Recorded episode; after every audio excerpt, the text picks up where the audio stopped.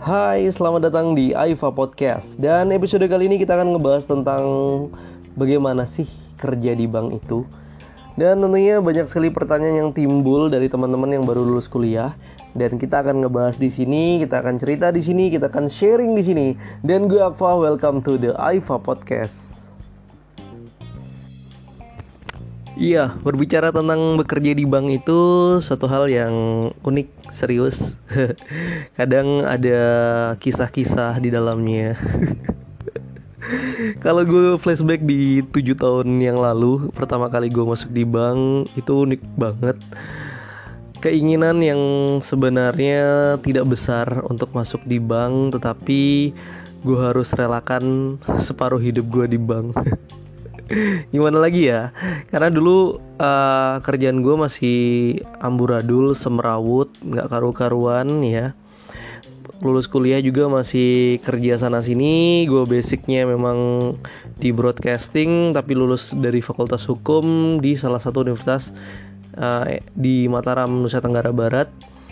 Dan di situ gue jadi banyak berpikir bisa nggak sih gue yang lulusannya dari fakultas hukum lalu kerjanya di radio ya dan latar belakangnya broadcasting marketing dan lain sebagainya tapi harus mencoba bekerja di bank. Tapi gitu keinginan orang tua yang pertama kali yang gue ping yang gue inget banget ya. Nah, orang tua pingin banget gue harus kerja di bank. Dan alhamdulillah sampai sekarang juga gue masih kerja di salah satu bank BUMN di Indonesia dan tentunya gue udah beberapa kali pindah dan terakhir sekarang gue lagi ada di kantor pusatnya di Jakarta. Hmm, sharing aja sih sebenarnya tentang podcast kali ini.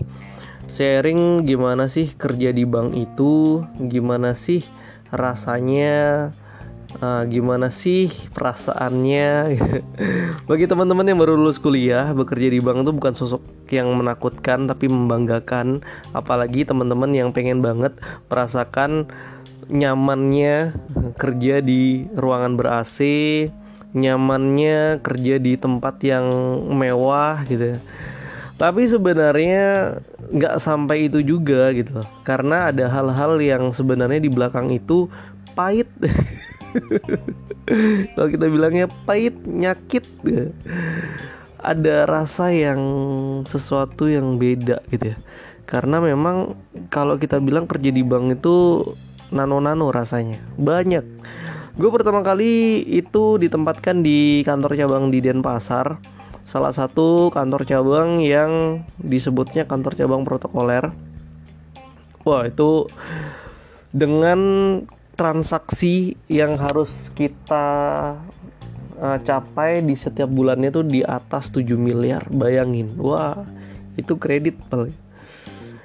Itu target yang harus dicapai setiap bulan tuh kayak begitu gitu. Dan kita harus ngejar-ngejar banget satu orang 7 miliar. Keras banget di cabang.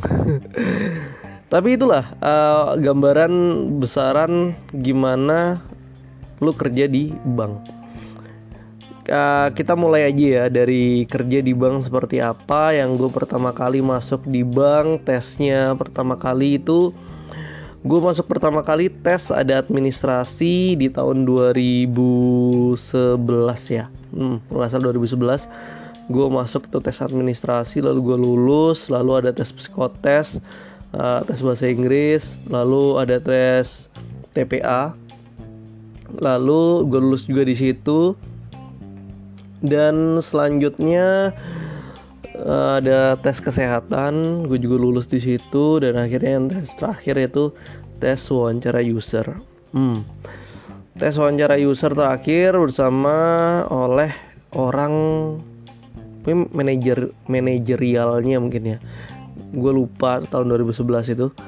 Uh, itu gue dites di situ dan akhirnya juga gue lulus dan akhirnya pendidikan lah uh, di Jakarta itu awal pertama kali tes yang gue harus hadapin masuk ke dalam sebuah bank yang salah satu merubah hidup gua yang biasa kerja lapangan, yang biasa kerja depan sound, yang biasa kerja depan mic, yang biasa kerja di panas-panasan harus bekerja di dalam ruangan ber pertama kali.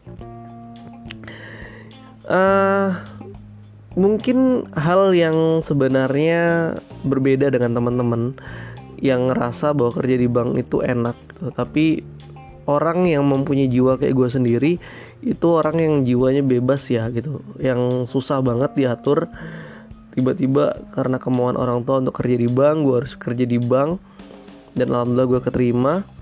Dan di situ gue menyesuaikan, menyesuaikan diri dengan siklus kehidupan yang ada dalam bank. Serius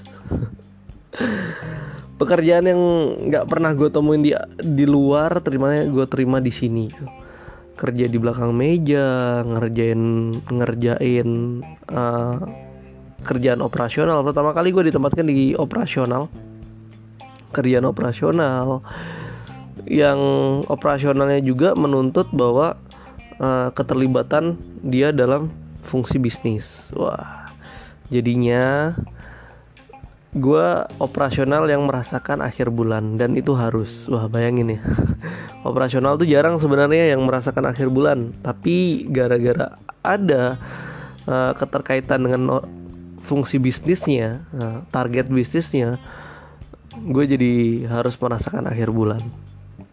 Hal itu uh, berbeda dengan teman-teman yang lain. Mungkin nantinya kalau misalnya kalian masuk di bank, kalian ditempatkan di bagian operasional yang fungsinya pure operasional yang tidak merasakan akhir bulan, awal bulan sama aja ya. Semua hari sama.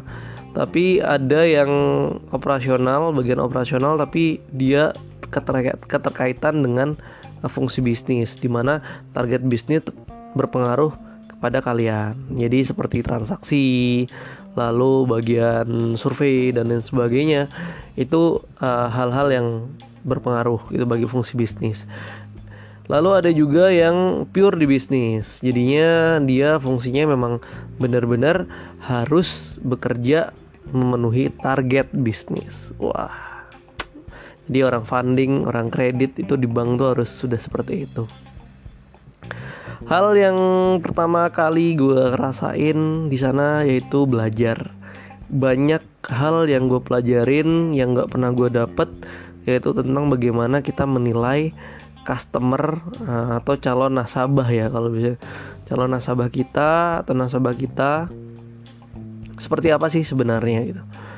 Jadi di situ gue pelajarin ilmu, ilmu, ilmunya banyak sekali. Saat lo di cabang ilmunya banyak sekali, lo mengerti lu paham tentang fungsi bisnis seperti apa, fungsi penyaluran kredit seperti apa dan nanti efeknya apabila lu melanggar melanggar aturan-aturan yang harusnya lu tidak lakuin tapi lu lakuin memang sih membantu orang lain cuma nanti efeknya buruk ke depannya dan itu lu pelajarin di situ. Nah, banyak nih ilmu yang lu pelajarin. Dan itu sebenarnya nggak bisa gue dapat di luar gitu ya. Hal yang nggak bisa gue dapat luar akhirnya gue dapat di situ belajar tentang itu. Di dalamnya itu ada hal tentang keseriusan. Gue pernah satu cerita ya. Pertama kali gue tempatin di Denpasar gue harus melakukan survei pertama jadi gue ditempatin di salah satu bagian yang mengharuskan gue survei. Di survei ini gue surveinya itu kebetulan kalau di Bali itu ada namanya kayak bukan pasar malam ya. Ya ya pasar malam lah sebutannya tapi bukan pasar malam sih sebenarnya kalau bahasa Balinya gue lupa. Jadi seperti pasar malam dan memang adanya itu bukanya dari jam 3 pagi sampai jam 6 pagi tempatnya kebetulan gue staynya waktu itu di daerah Denpasar tapi usahanya itu di daerah Tabanan. Uh, Tabanan eh Tabanan maaf Nusa Dua di daerah Nusa Dua. Dan gue masih inget banget jam segitu. Mau nggak mau karena harus uh, dilakukan survei dan itu potensi kredit yang cukup besar jadi ya gue nggak mau mau nggak mau jam 3 harus ke sana. Harus melihat gimana uh, usahanya bisa berlangsung jam 3 sampai jam 6 pagi. Ya nekat sih sebenarnya lebih ke nekat. Ya udah berangkat aja gitu nothing tulus lah. Berangkat jam 3 pagi mungkin uh, di Bali hitungannya aman ya. Hitungannya aman hitungannya nggak ada yang macem-macem nggak ada yang neko-neko. Ya gue jalan aja jam 3 pagi sampai dengan satu jaman lah ya dulu belum ada tol dari Denpasar ke Nusa Dua. Jadi satu jaman sampai sana gue survei udah ketemu sama orangnya bla bla bla bla ternyata ada. Wah jam 4 pagi tuh bayangin. 4 pagi ternyata pas gue balik udah selesai. Dan udah uh, wawancaranya gue balik lah. Balik resiko sebenarnya. Ini, ini adalah salah salah satu resiko pekerjaan yang memang gue alami. Dan ini kenyataan banget gue balik kebetulan gue naik motor karena jam segitu bagi gue ya mana-mana aja lah naik motor aja lah gitu. Kendaraan gue pribadi gue diikutin sama orang ya. nggak diikutin sama orang feelingnya sih biasa aja pertama karena kalau jalan ke Nus dari Nusa Dua ke Denpasar sendiri ada beberapa jalan yang nggak terlalu rame nah, sepi juga. Dan itu sempat diikutin tapi gue beraniin banget itu gue beraniin banget berhenti gitu. Gue berhenti lalu gue ngeliat dia. Terus gue tanya ada apa? Gitu. Ada apa ngikut ngikutin pak tapi dah hati tuh bener-bener deg-deg banget loh. Deg deg deg deg gitu. Sosok berani juga siapa tahu ini orang bawa senjata tajam juga bahaya banget ya tapi gue percaya bahwa uh, selama kita bener insya Allah nggak ada apa-apa lah terus dia bilang enggak pak cuma saya ngefans banget sama kebetulan gue pakai jaket Juventus waktu itu. Ngefans banget sama jaket Juventus. Tapi gue feeling gue udah gak enak di situ. Ini orang masalahnya tetap dengan menggunakan helm ya. Tapi dia tidak sopan untuk mengikuti kira-kira hampir 20 menitan gue diikutin. Sengaja gue muter-muter gitu ya karena gue tahu ini orang sengaja ngikutin atau emang bener-bener dia mencari jalan yang sesuai dengan jalan gue gitu. Ternyata gitu ya dia alasannya ngefans dengan jaket yang gue bawa. Ya gue gue feelingnya udah pak gini aja lah bapak jalan duluan aja gitu. Feeling gue ya udah dia jalan duluan. Mungkin ada rasa khawatir dalam diri gue jam itu jam empatan gitu jam empatan. Akhirnya gue nepi ke salah satu kantor kankas uh, di Nusa Dua. Jadi gue nepi di situ uh, pura-pura ngambil ATM dan melihat situasi juga sudah lumayan normal udah hampir setengah lima gue langsung jalan. Dan itu udah mulai rame kan. Setengah lima jam lima udah mulai agak rame dan langsung gue jalan. Sebenarnya Bali itu uh, kota yang bagi gue lah kota yang aman. Cuma hanya keadaannya kayak gitu itu beberapa oknum aja. Entah dia memang berniat jahat atau dia sengaja entahlah gitu tapi setelah itu gue jarang banget kalau keluar untuk survei jam 3 pagi atau jam 2 pagi gue sendirian. Biasanya gue ngajak teman atau pakai driver kantor. Pengalaman lah pengalaman. Itu salah satu pengalaman yang unik. Yang pertama kali gue harus uh, cabut dari Lombok stay di Bali. Pengalaman di bagian bagian yang uh, menunjukkan lu harus di operasional itu. Lalu gue harus mutasi ke salah satu kota di Jawa Timur di Madiun. Dalam setahun gue pindah tiga posisi di funding kankas gue di loan service bagian kredit dan gue terakhir di General Affair di bagian GA nya jadi ngurusin orang di operasional. Nah General Affair sendiri kalau misalnya teman-teman tahu sebenarnya ini adalah salah satu bagian yang banyak di setiap perusahaan juga ada ya. Semua perusahaan pasti ada general offernya dan ini sebenarnya tidak uh, menyangkut dengan akhir bulan tapi kerjaannya terlampau dengan setiap hari pasti sibuk dia. Karena kenapa? Setiap hari yang diurus adalah manusia human human capital yang di setiap perusahaan itu ada dia. Jadinya dia mengurusi dengan kerjaannya yang terlampau tiap hari itu tinggi beda dengan orang kredit. Banyak operasional ada yang operasional bagian untuk dokumen operasional bagian transaksi. Seperti itu dan akhirnya sekarang gue ditempatin di kantor pusat di Jakarta. Jadi untuk teman-teman yang mungkin saat ini ingin bekerja di bank potensi bank saat ini bukan sebagai uh, perusahaan yang serius banget seperti di tujuh tahun yang lalu. Gue pertama kali masuk di bank itu orangnya orangnya serius-serius banget serius. Bener-bener serius banget jadi ketentuan itu saklek banget. Tapi sekarang ketentuan tetap saklek cuma lingkungannya berbeda. Karena banyak di tahun 2017 sampai tahun 2019 banyak milenial yang direkrut di setiap perusahaan dan itu merubah gaya bekerja dan tentunya lingkungan juga berbeda. Lebih santai lebih cozy dan tentunya banyak perusahaan swasta juga uh, menganut hal seperti itu. Dan membuat sekarang bank menjadi suatu hal yang ada sisi enaknya ada sisi nggak enaknya. Tergantung dari kitanya. Cuma kalau saya memang basic dari awal bukan oleh orang bank uh, saat ini memang ya setengah-setengah lah Ininya apa pun yang kalian kerjakan di bank pun kalian misalnya berkeinginan kerja di bank seperti apa lingkungan kerja di bank ya sama seperti apa pun kerja itu sama lingkungannya sama. Cuma bekerja di bank seperti yang gue jelasin tadi banyak faktor di bagian mana lu ditempatin nantinya. Jalani aja uh, adaptasi dengan cepat karena tentunya lu saat diterima nantinya di bank tentunya perusahaan melihat lu itu bukan hanya lu orang yang bisa bekerja tapi lu orang yang bisa beradaptasi dengan tepat dengan lingkungan oke? Okay?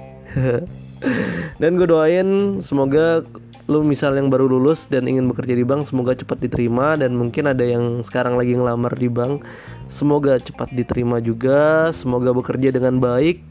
Semoga bekerja dengan sesuai dengan jalur dan ketentuannya karena bekerja di bank itu adalah uh, perusahaan yang sensitif dengan BI dan OJK dan ketentuannya juga saklek jadi hati-hati kalau misalnya lu ditempatin di bagian yang uh, berhubungan dengan bisnis dan ketentuan yang saklek apalagi transaksi keuangan itu lebih hati-hati aja oke okay? oke okay, teman-teman semuanya thank you banget udah ngedengerin celotehan sharing tentang bagaimana sih kerja di bank dan pengalaman gue kerja di bank selama 7 tahun kita bakal ngebahas lagi tentunya tentang pembahasan dan episode-episode yang lain di Aifa Podcast seneng bisa bercerita ngobrol sambil mengeluarkan unek-unek dan untuk kalian semuanya tetap sukses aja jangan lupa tetap dengerin Aifa Podcast oke okay? Gue pamit. Assalamualaikum warahmatullahi wabarakatuh. Bye bye untuk semuanya. Dadah.